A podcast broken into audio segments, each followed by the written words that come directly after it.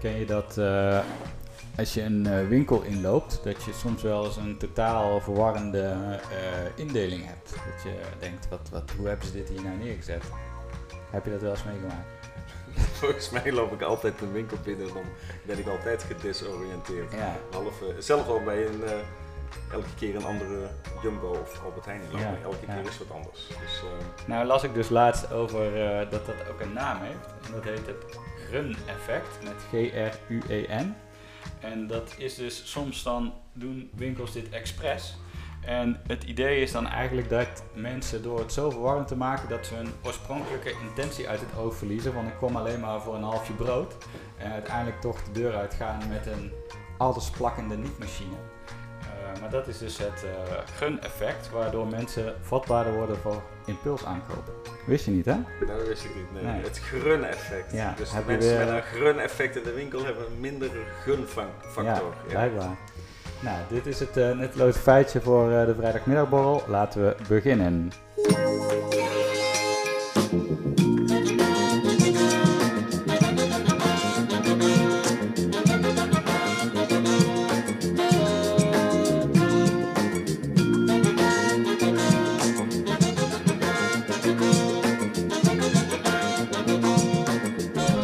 Dames en heren, van harte welkom bij Current Obsessions, de podcast die nog steeds in een identiteitscrisis is, omdat de podcast niet meer weet waar die over gaat. Maar dat geeft allemaal niks. Mijn naam is Christ Kolen, ik zit hier tegenover Jeroen Tebbe. En eh, dat is eh, een bijzonder iemand, een, een allround creatief zou je wel kunnen zeggen. Ehm, en hij heeft heel veel dingen gedaan en ik zit, terwijl ik dit zeg, even door zijn LinkedIn profiel te schrijven. En mijn vraag is, heb jij bij alle Amsterdamse reclamebureaus met moeilijke letters en afkortingen gewerkt. Want volgens mij eh, komen alle bekende bureaus wel een beetje voorbij. Eh, even kijken, wat zien we hier allemaal? LBI, Leo Burnett, PPGH slash JWT, McCain. Eh, en dan hebben we ook nog HLPB, die laatste ken ik niet. En FHVBBDO. Het is alsof die bureaus het erom doen. Dat was toen de mode en Ja. er waren bureaus met eh, ingewikkelde namen. En Ja. dat was natuurlijk heel grappig, want er waren communicatiebureaus met de meest onuitspreekbare Ja. namen. Maar ja, precies. die, ehm, die mode is eraf. Dus de- deze, eh, als ze al bestaan nog deze bureaus, is het altijd met een andere naam. Zoals. JWT Amsterdam of... Eh, ja. Nou, jouw eigen bureau heeft een veel duidelijkere naam, Procreate. Ja. Waar- waarom ben je daarop geland? Wij hadden het idee dat het handig zou zijn voor opdrachtgevers om niet alleen met een creatief team te werken, maar met eh, eh, professionele creatieven. Eigenlijk een clubje wat wat breder is. Misschien moet er een keer een architect aanschuiven, misschien moet er een keer een bioloog aanschuiven of een psycholoog. Dat noemden Mhm. wij Procreate. Professionele creatieven. Maar toen kwamen we erachter dat Procreate eigenlijk voortplanten eh, betekent. Eh, in het Engels. En ehm, dus als je dan tegen de klant zegt let's procreate, betekent eigenlijk let's fuck. Dat, dat, dat, dat vinden we leuk. Dus die hielden we erin. Later blijkt er natuurlijk ook een heel groot eh, tekenprogramma ook zo Oh ja, te ja, heten. maar dat, eh, iPad, ja. dat, mocht, eh, mocht, dat vond de eh, man van de merkrechten niet heel erg. Hij zei, Oké. jullie doen altijd heel Oké, anders. gelukkig, gelukkig. En jij bent daar eh, creatief in brede zin. Zou ik dat zo mogen samenvatten? Nou, superleuk. Ik, zat, ik ben hier terechtgekomen, want we zitten nu in eh, eh, Hartje Breda. Ik kijk uit op de, op de kerk. En eh, dat kwam omdat ik bij een marketingbureau in Amsterdam zat. En toen hadden we het over simpel schrijven, want dat doe ik met mijn trainingen. En toen zei Janna van, ik ken nog iemand en die heeft het ministerie van Huh. Huh? Ja, van Huh, wat bedoelt u? Dus ik ging op die website kijken en ik dacht, wauw, dit is vet. Dus eh, dat is eigenlijk even in de notendop waarom ik hier zit. Omdat ik eigenlijk mijn eigen nieuwsgierigheid volg naar het ministerie van Huh. En de luisteraars denken nou, huh? Ik snap het niet. Maar eh, Jeroen, jij kan het vast uitleggen wat dat eigenlijk is en hoe het allemaal zo gekomen is. Ja, het eh, ministerie van Huh is eigenlijk een programma om heel Nederland eenvoudig te maken.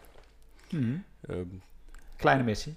Een kleine missie. Eh, wij liepen tegen, eh, tegen eh, klanten aan of tegen organisaties aan. Dat was in, in, in eerste instantie de gemeente Breda. We werken nu daar veel mee. En die zeiden van, weet je hoeveel mensen er eh laaggeletterd zijn... of eigenlijk be- beschikken over beperkte taal en, en computervaardigheden? Nou, geen idee. Maar er bleken dus eh 2,6 miljoen mensen te zijn. Zo. En dat betekent dus ook, als je met communicatie bezig bent, wat ik mijn hele leven heb gedaan, ehm, dat je ongeveer 20% van de volwassen bevolking compleet mist met al je boodschappen. Ja. Je weet eigenlijk helemaal niet of zij jouw boodschap begrepen hebben. En je hebt ook Mhm. helemaal niks, eh, geen tools of geen manieren om erachter te komen.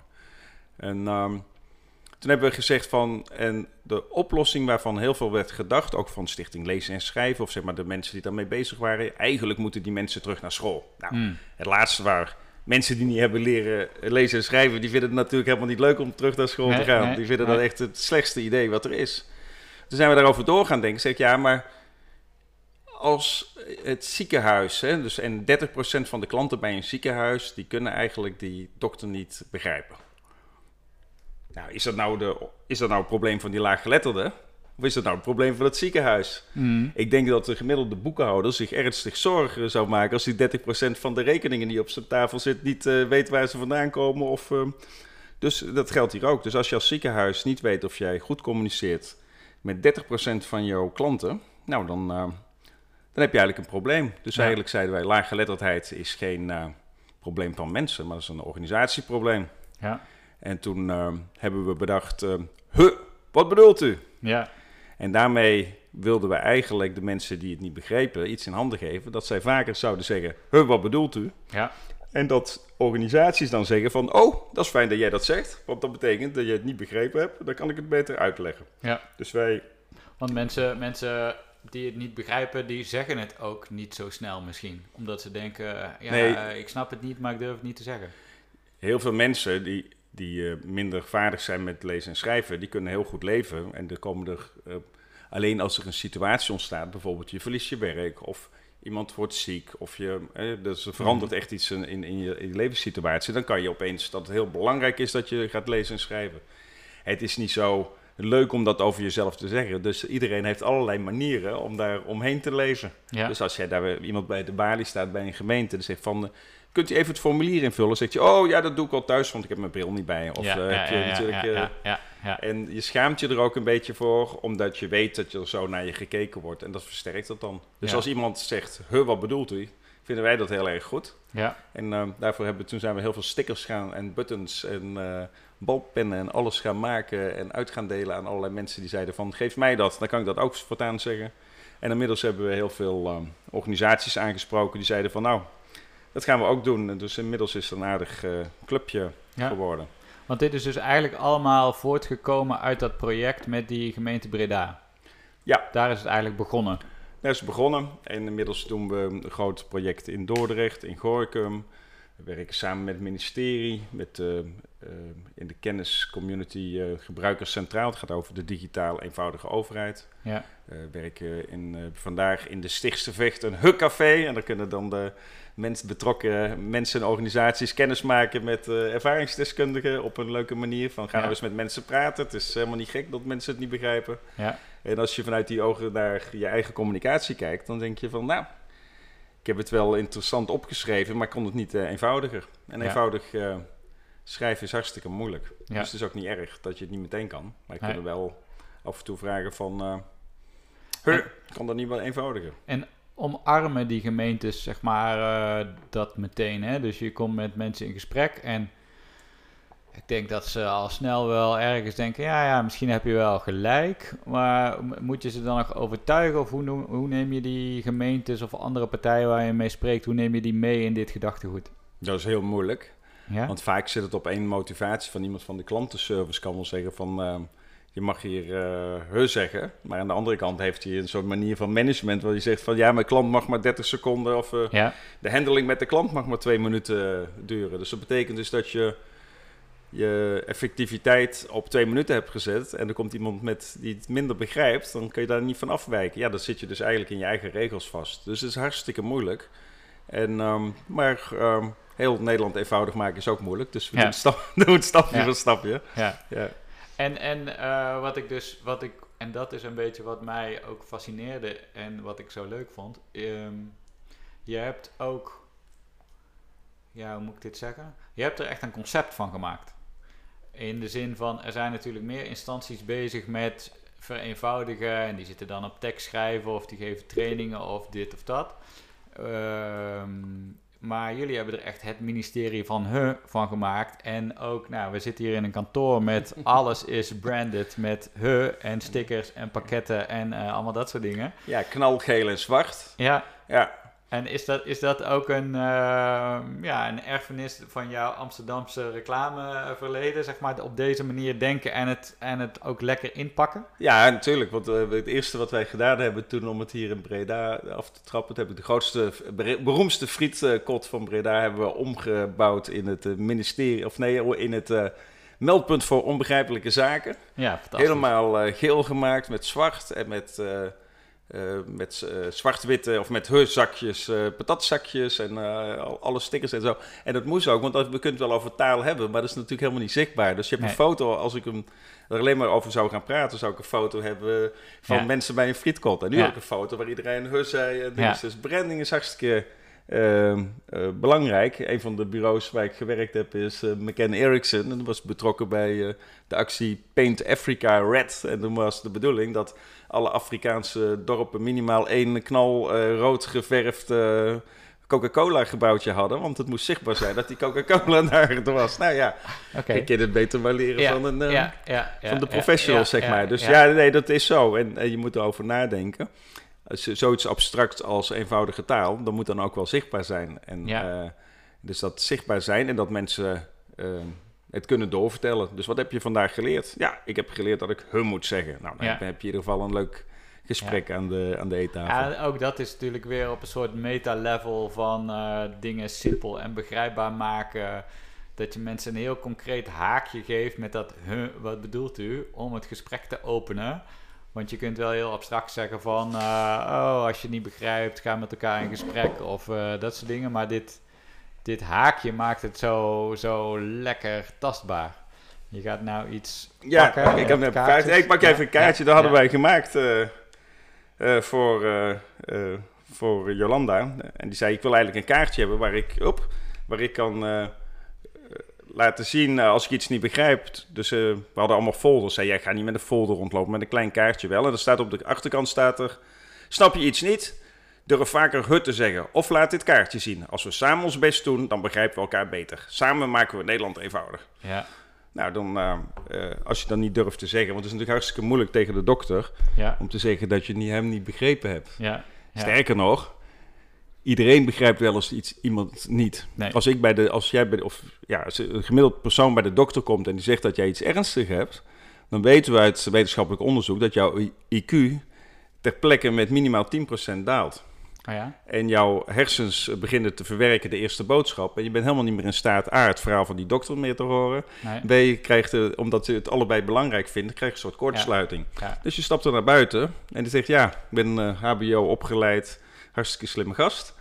Maar wat hij nou precies gezegd heeft, ik heb Geen geen, idee. idee. Nee. Nou, en dan doen we met hun, heb ik gezegd, hoe kunnen we dat dan oplossen? Nou, dan moet je goed uitleggen aan de dokter dat het fijn is als de patiënt eh, het gesprek opneemt. Want dan, kunt dan kan hij het nog een keer naluisteren, dan Ja. snapt hij het beter. Ja. En voor de dokter is het ook fijn, want dan weet hij beter dat zijn boodschap is aangekomen. Ja. En, ehm, en die mensen laten het ook weer aan hun, eh, aan hun kinderen horen en Ja. aan iedereen horen die hun ook kunnen helpen om zeg maar, erachter te komen. Wat eh, is er nou eigenlijk gezegd door Ja. die dokter? Ja. Ja. En dan zijn het eigenlijk hele kleine ingrepen die zowel de dokter of het ziekenhuis blij maken als de patiënt. En dan zeg je, nou, dat kan als je zoiets simpels zegt van, huh, wat bedoelt u? Maar het zit natuurlijk ook op best wel veel vlakken, hè? want het is inderdaad bij de dokter, maar ook inderdaad de gemeente of de belasting, of ga maar eens een hypotheek of verzekering afsluiten.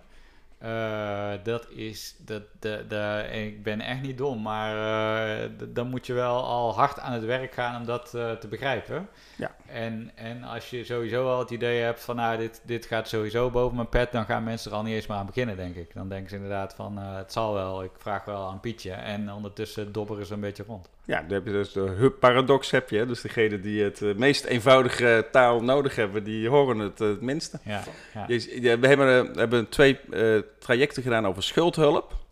En schuldhulp is, eh, eh, ja, dat is heel, heel belangrijk. En de gemiddelde aantal schuldeisers wat je dan hebt zijn, is, zijn 14 eh, mensen, of 14 partijen. En gemiddeld krijgen de mensen die in de schuldhulp zitten, als ze een beetje op de hoogtepunt zitten, dus al flink in de schulden, dan krijgen ze gemiddeld 10 brieven per dag. Per dag. Per dag. Nou, ik weet niet hoeveel jij er krijgt. Ik krijg er geen één. Of misschien eentje Nee, van... nee, eh, nee.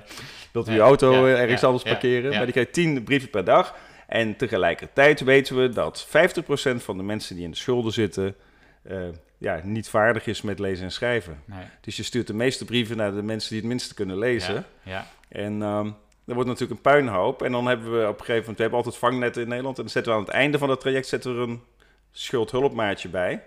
En die gaat dan achteraf het oplossen. ja. En volgens mij doen ze in Zweden doen ze het andersom. Dan zetten ze vooraf zo iemand er al bij, een schuldhulpmaatje. Of iemand die daarbij helpt. Mhm. Dus alle schuldeisers mogen alleen maar de brieven sturen naar die ene persoon. Mhm. Nou, die zorgt dat het netjes beantwoord wordt. Dat scheelt heel veel stress en gedoe. ja, En, ehm, en ook heel veel schulden. Ja. En zo zijn er eigenlijk door eenvoud meer de regel te maken, zouden er heel veel dingen eenvoudiger kunnen. Ja, Moet je wel gaan samenwerken. En dan moet je wel met elkaar praten. Wat doe jij in die schuldhulp? En ja. oh, dus de gemeente, en het gemeentelijk parkeerbedrijf en de, de, de woningcoöperatie. Ja. En de, oh, er is ook nog een eh, tv gehuurd. Nou, en, en Ja. nou, die mensen moeten met elkaar praten. En dan, kun je, en dan Ja. moet je op zoek naar eenvoud. En, eh, dan En je stel nou, hè, je komt bij een gemeente of een eh, woningbedrijf of whatever. En je hebt ze, ze zijn geïnteresseerd. Ze zeggen eigenlijk, ja, je hebt eigenlijk best wel een punt. En het ministerie van, ik, ik, ik, eh, ik zie er wel iets in. Volgens mij moeten wij hier ook iets mee. Wat is dan het eerste wat je zo'n club probeert duidelijk te maken waar ze mee aan de slag moeten? Is dat bewustwording? Ga je ze meteen eh, met, met eh, voor, vragen naar voorbeelden? Ga je een workshop doen? Wat, wat doe je? Ja, meest, ja, meestal doen wij het eerste een, een ehm, kun je ook gratis volgen. Wij organiseren die dingen ook gratis voor iedereen die onze LinkedIn-pagina volgt van Huh, wat bedoelt u? Wij geven dan inspiratiesessies, dus het duurt een uur. Daar zit een uh, laaggeletterde bij die meedoet, waar we uitleggen wat is nou het probleem, zodat we allemaal op dezelfde pagina zitten, dat we het over hetzelfde hebben. En vervolgens kijken we bij de organisatie, ja, waar zit nou je vragen, waar ben je nou echt mee geholpen? Hoe belangrijk is dat op de schaal van 0 tot 10? Mhm. Zit nou, is het nou een vijfje of is het bij jou echt een 10 dat je het eenvoudig moet maken? Nou, en als dat genoeg urgent is voor organisaties, dan is het meestal, ga nou eens praten met je klanten. Nou, dat is heel moeilijk. Dan kunnen we wel nog een stagiair en een uh, enquêteformulier. Dat, uh, dat mm. bedenken de meeste organisaties nog wel. En wij doen het heel anders. Wij hebben daarvoor um, tien uh, knalgele kliko's in, de, in de opslag staan. En vandaag ja. staan we ook op drie plekken. En dat heet het, min, of het, heet het meldpunt voor onbegrijpelijke zaken. Ja. En dan hebben wij meldformulieren. En wij leren daar de, in dat geval zou het de ambtenaren zijn, de ambtenaren, van hoe ga je nou een gesprek aan met iemand uh, voor de balie? En, uh, en dan begint het gewoon met, uh, nou meneer, mevrouw, wanneer dacht u nou voor het laatste, huh, wat bedoelt u? En je hoeft er niet in te sturen van begrijp je dit of begrijp je dat, want de mensen zeggen gewoon waar ze zichzelf het meest over verwonderen of waar ze wakker van liggen Ja. of wat ze vervelend vinden. En als je dat uh, in de breedte doet, dan heb je A, een leuke gesprekken met je klant. Ja. Aan het einde van de dag heb je 30, 40 briefjes die, waar ze zeggen van nou, dit kan verbeterd worden. Nou, Ja. een aantal zijn er heel van dringend, een aantal niet. Een aantal zijn heel persoonlijk. Ja. En dan ben je erachter gekomen, oh, ik kan dus gewoon uh, met mijn klanten praten en die geven gewoon antwoord. Ja. En uh, ze geven ook nog, we vragen ook dan, wat had u fijn gevonden? Dus je krijgt ook nog allemaal tips. Ja. En dan kun je met elkaar gaan praten, oké, okay, we wilden, we hadden begrepen dat het, dat niet iedereen alles begrijpt. Dat mensen vaker hun mogen zeggen. En als ze hun zeggen, dan weten ze ook nog hoe ze geholpen willen worden. Ja. Nou, hoe fijn is dat? Ja. En dan kun je gaan kijken met, met je team van wat vinden we nou het meest belangrijke? Of wat willen we nou echt niet? Of wat willen we dat er echt niet meer voorkomt? Nou, dan kun je daar voor jezelf een plan gaan maken. Want je wordt niet van de ene op de dag helemaal eenvoudig, maar je kan wel eenvoudigere stappen gaan maken. Ja. En dan, uh, nou, dan kun je langzaam Maar dat zeker... is best ja. wel, denk ik, een cruciale stap in het proces. Hè? Door gewoon uh, ambtenaren of mensen zelf te laten ervaren, zelf met mensen te laten praten die, die hier tegenaan lopen. Want mijn ervaring is ook gewoon, je sluit je eigenlijk op in je kantoor met je systeemplafond en in je koffieautomaat en je plant nog eens een vergadering en uh, er komt nog eens een keer een onderzoekje en uh, met grafieken. Maar dat is natuurlijk een totaal andere impact dan Ja. gewoon met Wij doen het andersom. praten. Wij Ja. doen het andersom. Wij hebben het ehm, stelregel eh, ehm, eh, begint eer je bezint. Oh ja. Dus je moet Eerst gewoon beginnen. eerst, eerst beginnen Ja. en dan komt er wel wat op je af. En waar je ermee moet, dat weet je niet. Dus je kan helemaal niet van tevoren, wat gaan we vandaag oplossen? We gaan niks oplossen, we gaan eens met die klanten praten. Dus dat moet je Ja. dan genoeg hebben. En dan kun je laten verrassen. Dan wordt je, ah, je leven een stuk leuker van. Ja. En, ehm, En anders ben je probleem. Kijk, als je dat andersom doet, dan loop je het risico dat je dingen aan het oplossen bent die nog geen probleem zijn. Het is grappig. Ik, ik, ik had vanochtend een sessie met studenten uit Tilburg. En uh, toen vroeg nog iemand op het laatst iets van, heb je nog tips of weet ik wat. En toen had ik het over, ik heb even haar naam opgezocht, een onuitsprekelijke naam, maar zij heet Saras Saravati. En een of andere, wat is zij, ik zit hier even te kijken, professor aan een Amerikaanse business universiteit. Maar zij zegt eigenlijk, je hebt eigenlijk twee manieren om iets aan te pakken. En de eerste manier is hoeveel organisaties werken. Die zeggen eigenlijk, nou, we moeten een doel hebben waar we naartoe moeten gaan. Waar, moet, waar staan we over drie jaar? Wat voor budget hebben we nodig? Wat voor mensen? En dan komt er een commissie en uh, allemaal gedoe. En zes maanden later heb je nog niks gedaan. Dus dat is de enige manier. En zij zegt eigenlijk, oké, ondernemers gaan vaak op een andere manier te werk. Die zeggen wel, nou, het moet daar naartoe. Dus het moet simpeler. Maar die kijken dan eigenlijk, oké, wat heb ik nu voorhanden? Wat kan ik morgen anders doen om een stap te maken in die richting? Ja. En dat vind ik een heel verfrissende aanpak, want het, het scheelt een hele hoop gelul en je bent alvast begonnen met iets. Ja, en je kan eigenlijk pas als je zegt ik wil eenvoud ontwerpen of eenvoud maken, dat kan, kan eigenlijk alleen maar aan de hand van een echt probleem. Ja. Dus echt iets wat er echt leeft en niet wat jij gehoord hebt of over hebt gelezen, maar als je ergens gaat staan en je komt dat probleem tegen, je kan doorvragen en zeggen: Oké, nou heb ik echt iets in handen. En ik kan me ook voorstellen, we kunnen wel een toets op doen, leeft dat nou bij meer mensen? Maar alleen met dat echte probleem in handen, mm. kan je ook mm. aan een echte oplossing werken. En, en, eh, dan kun je ook, met, als je, maakt niet uit welke techniek je daarbij gebruikt, of er nou design thinking is of whatever wat je gaat doen, op je handen gaan staan. Ja. Je moet eerst een echt concreet iets hebben, anders kan je het eigenlijk niet oplossen. Nee. En dat doe je door, daarom moet je dat haal nou eens op wat er leeft om je heen. En ga nou eens eventjes aan die andere kant staan. Als je dat op vroegtijdig ophaalt en je wil het, en het gaat over de lijn van we zouden eenvoudiger willen, of ik wil niet dat mijn patiënten mij niet begrijpen. Nou, dan kun, je, dan kun je daar kun je heel makkelijk aan oplossingen beginnen. Ja. En, dan, ja. en je, je noemde net al van, ah ja, dan moet je dus verschillende instanties aan elkaar knopen. En uh, dat, dat is allemaal best wel gedoe in processen uh, aan, de, aan de achterkant, zeg maar. Ja. Ehm, maar ik ben ook nog wel. Ik heb een fascinatie voor copy, copywriting, simpel maken. Nou, volgens mij is dat ook best wel jouw achtergrond als copywriter. Ja. Eh, zit daar ook wel een soort uh, natuurlijke voorliefde. Ehm, hoe neem je mensen daarin mee? In zeg maar even nog los van het procedurele stuk, maar gewoon even, oké, ik heb een brief en er staat een boodschap in. En uh, hoe, hoe gaan we dat aanpakken? Hoe, hoe doe je dat met mensen, met klanten? Nou, eh, het mooie is, als je uh, brieven gaat lezen met mensen die minder leesvaardig zijn, die, kunnen dat, die leggen dat jou in, in één minuut uit wat het moet zijn.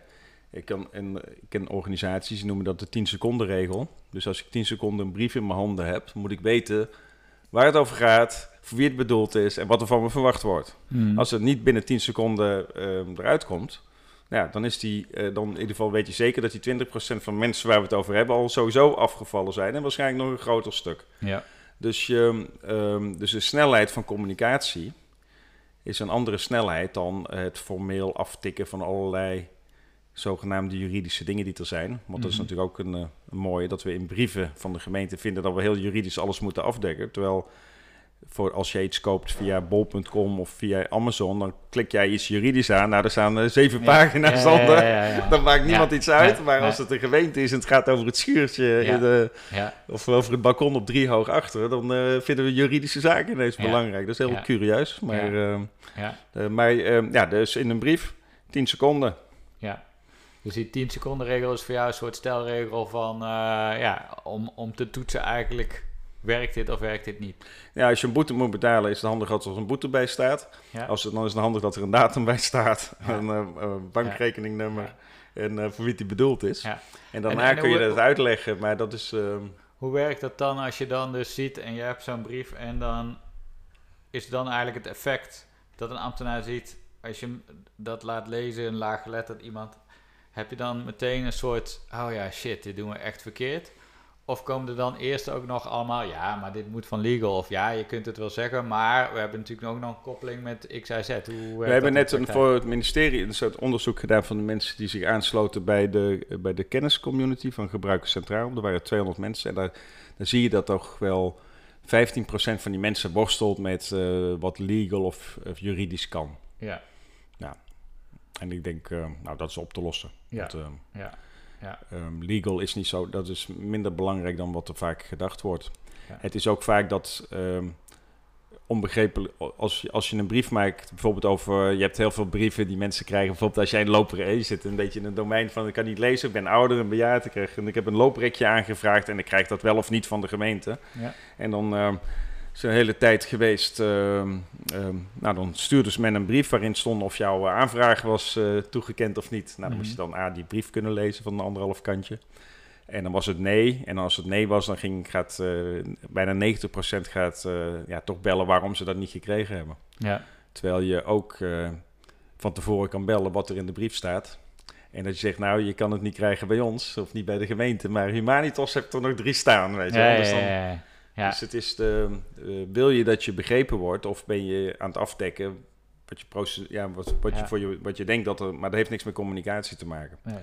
Dus het is dus ook een. een eh, eh, dus je hebt eigenlijk een deel van wat jij doet met die organisaties is eh, praktisch en, en het oplossen. Maar een ander deel is ook gewoon de mindset van: oké, maar wat, wat zijn we eigenlijk doen, aan het doen? Hè? Ben, je, ben je vinkjes aan het zetten of wil je ook echt iets oplossen? Ja, nee, dat is, de, dat is de essentie. Kijk, als jij communiceert, en dat maakt niet zoveel uit met wat, vind je het nou belangrijk eh, dat degene tegenover jou zit, jou begrepen heeft? Ja. Of vind je dat niet zo belangrijk? Nee. Als je het niet zo belangrijk vindt, dan maakt het niet uit. Dan is Nee. dat ook goed. Ja. En als je het wel belangrijk vindt, dan moet je dan misschien een manier vinden hoe je erachter kan komen of dat ook zo is. Ja. Ja, ik denk dat er weinig organisaties zijn die communiceren, die zeggen dat ze het niet belangrijk vinden. Nee. En als dat, dus dan vinden ze het wel belangrijk. En als je het wel belangrijk vindt, dan, dan mag je de vraag stellen: hoe weet je nou of diegene dat ook heeft begrepen? Ja. En dat misschien dat.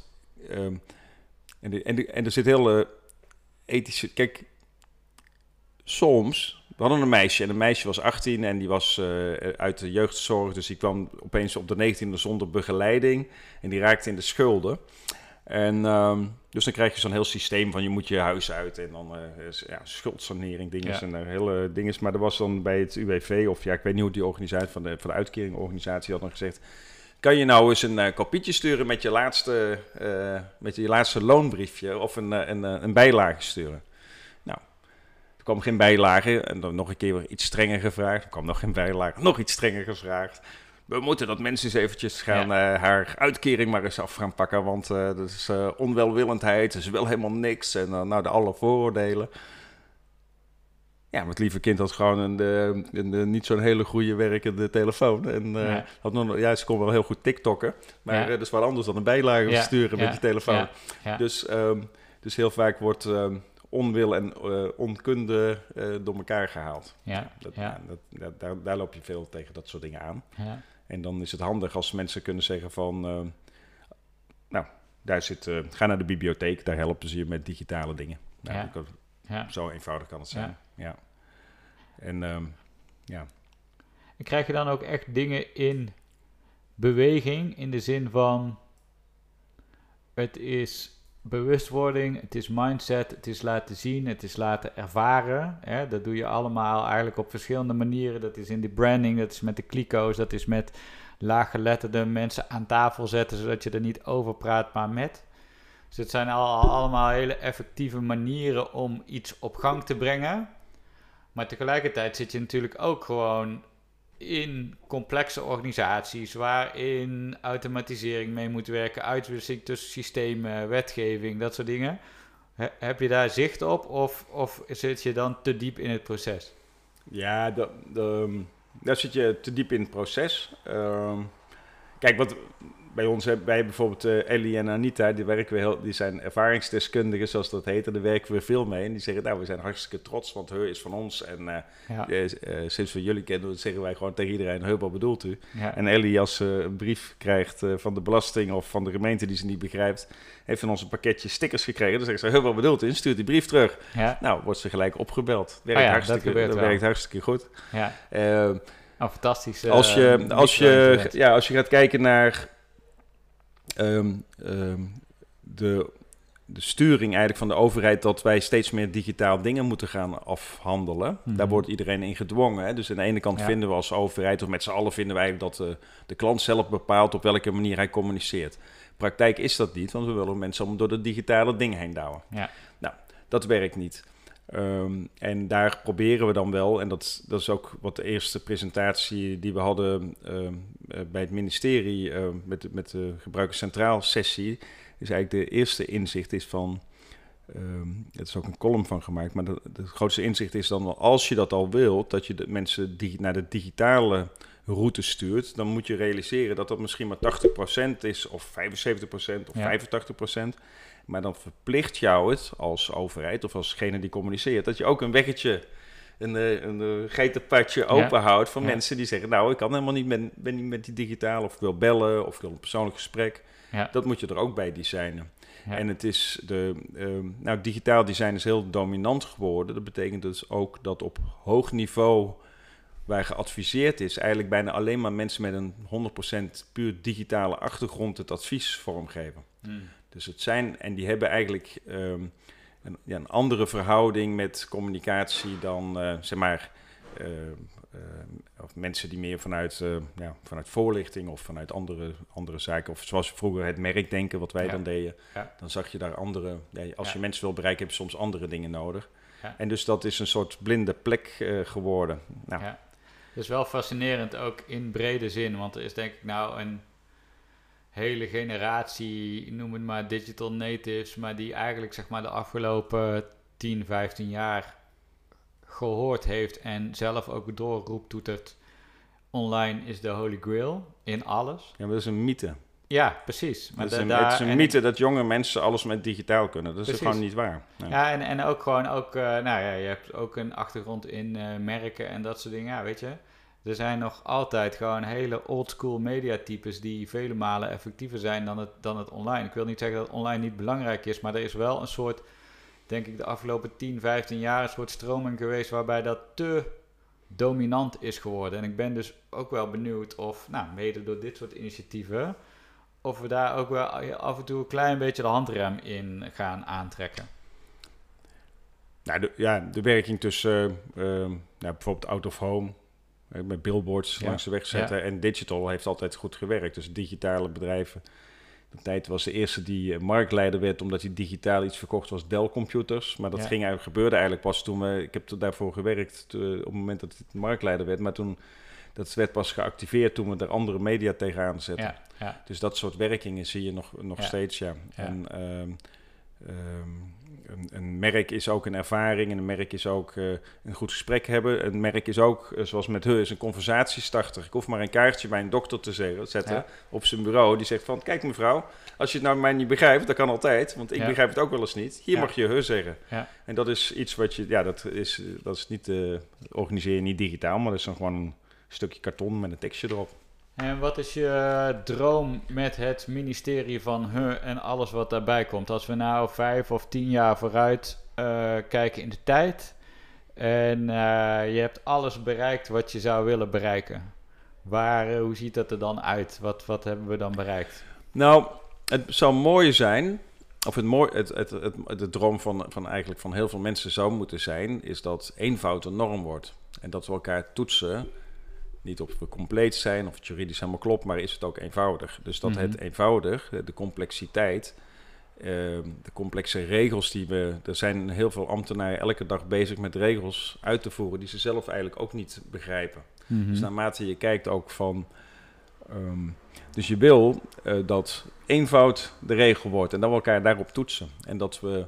ehm dan zou ook dingen van veel korter gaan kunnen. En, maar je weet natuurlijk dat je hebt allemaal in de vergaderingen zit je waar iedereen weer het nieuwe woord van de nieuwe theorie heeft Ja. gehoord. Ja, En dan is het soort, eh, noem je dat, blablabla, ling, Ja, eh, lingo, eh, moeilijke woorden, lingo. En dan zit je te kijken, oh shit, shit, shit, je hebt er wel heel veel verstand van. Het is maar net van, je kan ook gewoon een kwartier voor de vergadering even naar een ingewikkelde internetsite gaan van. Accenture of zo. En je pikt daar eventjes een heel moeilijk Digital woord uit. En dan, engagement model, funnel, dingen, ja, precies. En bladibla roepen. En dan heb je je collega's weer. Nou, en dat is een mechanisme wat blijkbaar werkt. We vinden eh, ingewikkelde mensen of mensen die dan...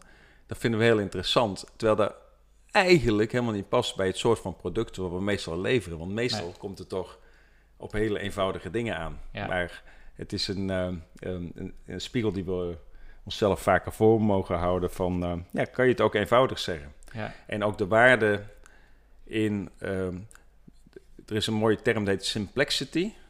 Hmm. En dat is eigenlijk, als ik hem helemaal plat sla, zegt van... ehm, ben je nou in staat om achter een, ehm, iets wat er ogenschijnlijk eenvoudig uitziet... ook de diepere lagen te zien? Ja. Een van de voorbeelden die ik ooit hoorde was een vriendin... die had dat ontwikkeld, heette Opu.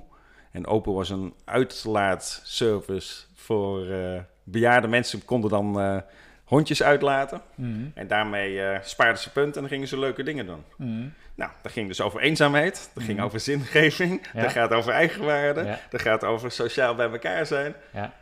Maar je kunt het aan heel plat zien aan één kant van nee, het is een onderuitlaatservice voor bejaarden, Oeh, lekker belangrijk. Of je kan zeggen, hé wacht even, hier zijn een aantal hele grote thema's waar iedereen zich mee bezighoudt, waar iedereen heel veel ingewikkelde woorden voor heeft. Ja.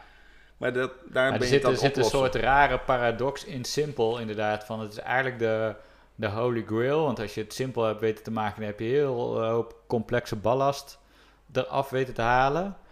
Maar mensen die er van een afstandje naar kijken, die verwarren simpel vaak met simplistisch. Terwijl dat, Ja. is, dat is natuurlijk totaal, iets kan simpel zijn, maar er kunnen hele complexe, grote thema's onder liggen. Die mensen niet altijd meteen zien. En dat is ergens wel jammer. Ja, wij zitten heel veel in discussies, of dat komt vaak voorbij vliegen.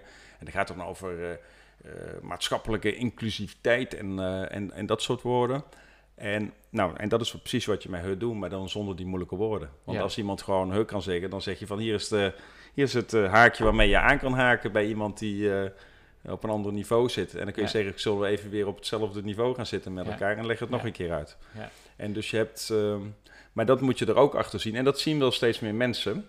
En eh, nou, net was er eh, een meneer hier van Humanitas die zei: We zijn hier eh, ook met zoiets bezig. Ik zeg: Nou, laten we het gewoon aansluiten. Ik bedoel, eh, we zitten. eh, eh, we willen graag dat delen met andere mensen die er ook mee aan de slag gaan. Ja. En dan wel op de goede manier, want het is niet alleen een sticker gaan ophangen, hubber bedoeld en dan ben je ermee Ja. klaar. Het is echt Ja. wel een, een werkopgave en een Ja. mentaliteit. Dus Ja. dat, en als we daarover eens zijn, dan kan iedereen meedoen. En, en jij hebt natuurlijk in jouw werkende leven allerlei dingen gedaan, hè? van reclamebureaus, freelance, eh, eigen bureau op innovaties en dat soort dingen.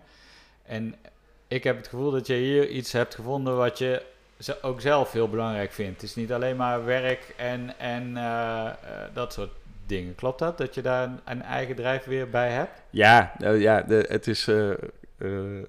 Denk dat heel veel mensen die in de reclame of in die. die je wilt niet alleen maar de opdracht geven. Kijk, als je een advies geeft aan een, aan een bedrijf. Oh, je zegt van wat moet ik nou. Een bedrijf komt naar je toe en die vraagt wat moet ik nou doen. Dan ga je toch altijd een beetje kritisch kijken. Ja. Van wat denk je zelf wat je bent en wat doen anderen dan? En waar Mhm. zit nou de goede voorbeelden? Mhm. Dus er zit altijd een beetje de challenger in het. Is het natuurlijk, hè, je moet er een mening over hebben, je moet geprofileerd, je moet eh, discrimineren in de zin van eh, je moet het verschil maken. Mhm. Daar zoek je op uit. En dat is met hun natuurlijk ook. Mhm. Van we willen wel met jou praten, maar eh, mag ik hier heus zeggen? En hoe zorg je nou dat je de mensen begrijpt? Dus het Mhm. in, eh, ja, dus, er zit wat strijdbaars in, maar dat maakt het ook leuk. Van, Ja. eh, en daardoor is eigenlijk het gesprek ook spannend. En, maar waar- waarom, waarom ben jij, is dit toeval dat je hier eigenlijk op geland bent? Of had dit, eh, en, en nu gaat het over laaggeletterdheid en dingen simpel maken? Of stel dat je met de gemeente Breda in gesprek was gegaan over duurzaamheid. Had het dat thema ook kunnen zijn? Of is het, eh, zit er bij jou ook nog iets dat je denkt, ja maar ik vind dit ook echt, echt belangrijk zelf? Kijk, als heeft, je, uiteindelijk komt het altijd neer van dingen die je mee hebt gekregen, hoe je opgegroeid Ja, bent. En, ja. als dan, eh, Ja. eh, en wij kregen altijd de, eh, de boodschap mee, je moet, als je maar normaal blijft doen. Ja, ja, ja. En kun je het ook in normale taal zeggen. Ja. En als er mensen zijn die Geen- niet eh, en dan geen dikdoenerij, want anders lig je er vanaf. En zo is het nog steeds. En je kan met iedereen communiceren als je daar een beetje moeite voor doet. Ja. En ehm, nou, als je dan toch iets leuks wil doen op het gebied van communicatie, ligt daar wel een grote missie. Er zijn veel, kunnen een hoop, ehm, ehm, kunnen een hoop goede stappen mee maken. Maar de eh, opportunistisch zijn reclamemakers natuurlijk wel. Dus ik vind wel heel veel dingen leuk. Ja, Dus, eh, ja, ja. En dit, dit, dit is net... Je, soms moet je ook gewoon een soort van het geluk hebben dat alles lekker in elkaar klikt. Hè? Dat je de juiste opdracht geeft, dat je het idee hebt, dat je het visueel kan maken, dat het past in de tijdgeest. En dan, eh, en dan is het natuurlijk ook super leuk dat het een, eh, ja, weet je, je had ook uh, verzekeringen kunnen gaan verkopen, maar dit, dit is wel heel nee, fijn. Dit dat is, dit, nee, dit is, kijk, er gaat, uiteindelijk zijn we dit begonnen als een uh, publiek, om dan toch een moeilijk woord te gebruiken, publiek-private samenwerking. Mm -hmm. Want wij zijn dat weliswaar gestart hier in Breda, maar de campagne hebben we toen zelf vanuit het eigen bureau betaald. Ja. Er was geen geld om iets goeds te ontwikkelen. Toen heb ik gezegd, dan doen we dat zelf. Maar dan blijven we ook de eigenaarschap van houden. Ja. En wij denken, als je dit wil aanpakken, dan moet je ook iets bedenken wat zou kunnen groeien. Ja. Um, en dan heb je het moment om dat te bewijzen op één, één project. En dan hebben we die leuke, wat ik net zei, die leuke schiettent bij de Ver ja. uh, gedaan. Ja. En, um, en daar vandaan melden zich weer andere mensen. Dan moet je dan mee kunnen doen. En dat is natuurlijk niet het belang van een gemeente. Dus Nee. het nadeel van op een te het is het voordeel van een op een lokaal of zo regionaal beginnen, is dat je heel veel experimenteerruimte hebt. Ja. Alleen is het risico in, als dat het enige is en je kan niet verder, dat je daarmee blokkeert. Dus Ja. er is, waarschijnlijk is, had je hetzelfde opgezet in Amsterdam, had je wat moeilijker gewo- had je eerder tegen andere belangen aangelopen. Ja. En hier waren de belangen niet zo groot van, doe maar, en Ja, laten we maar. geef de we- wijs de weg. Ja. Of uh, laten we de weg uh, ontdekken met elkaar, we wisten ook niet wat de weg was. Nee. En, ehm, en van daar vandaan kun je ook ontwikkelen. Dus het is een beetje de, ja, dus elk voordeel heeft zijn nadeel, Ja, zeg maar. Ja, ja, ja, maar het loopt nu volgens mij eh, lekker. Stel dat mensen nou meer willen weten, waar gaan ze naartoe? Die inspiratieseminars, waar zijn ze? Doe even de, doe even de pitch. Doe even wat, eh, wat lekkers. Nou, als je ook wel eens denkt, eh, huh, wat Wat- bedoelt u? Ja, wie denkt dat nou Dan, niet? en dat denken we allemaal. Dan kan ik je graag uitleggen hoe, we de, eh, hoe je dat kan toepassen in je eigen organisatie of in je eigen persoonlijke situatie. Of, eh, eh, het maakt eigenlijk niet uit op welk onderwerp. En wij organiseren daarvoor regelmatig eh, inspiratiesessies. En die kan je vinden via onze LinkedIn-pagina. En dan is het LinkedIn, huh, wat bedoelt u? Mhm. En, ehm, en we hebben ook een site en er staat huh, wat bedoelt u.nl. En daar ehm, eh, staat ook informatie die, die je over ons kan vinden. En anders daar staat ook alle nummers en telefoonnummers staan er gewoon op. Dus dan kun je gewoon bellen. Kan gewoon. Hè? En dan moet zit je, je gewoon, moet je eh, wel een simpele mail sturen, hè? Want, want anders dan krijg je gewoon een sticker terug. Ja, precies. ja, ja, ja. Ja, Ja, superleuk. Ik vond het heel mooi. Dit, eh, nou, we hadden het net al over de, mijn podcast. is ook mijn manier om mijn nieuwsgierigheid te bevredigen. Dus ik heb weer een hoop geleerd over eh, het ministerie van Huh. En ehm, eh, volgens mij wilde jij nog één ding zeggen. Ja, we hebben ook op twee, dus toevallig in Breda, maar hebben we op het FIC Festival ehm, hebben we de eerste eh, kampioenschappen van het kastje naar de muur eh, Oh. rennen. Lekker. Dus dan kun je daar van het kastje naar de muur rennen, samen met hun. Ja, fantastisch, fantastisch. Dit was aflevering 44 van Current Obsessions. Mijn naam is Chris Kolen. Ik sprak met Jeroen Tebbe van het ministerie van Heu. Ik hoop dat je het leuk vond en ik hoop dat je de volgende keer weer luistert. Dankjewel voor het luisteren. Doei. Moet jij ook nog even doei zeggen? Hey, doei, bedankt. Hè. En doei, zeg, en vergeet niet, zeg vooral, huh, wat bedoelt u?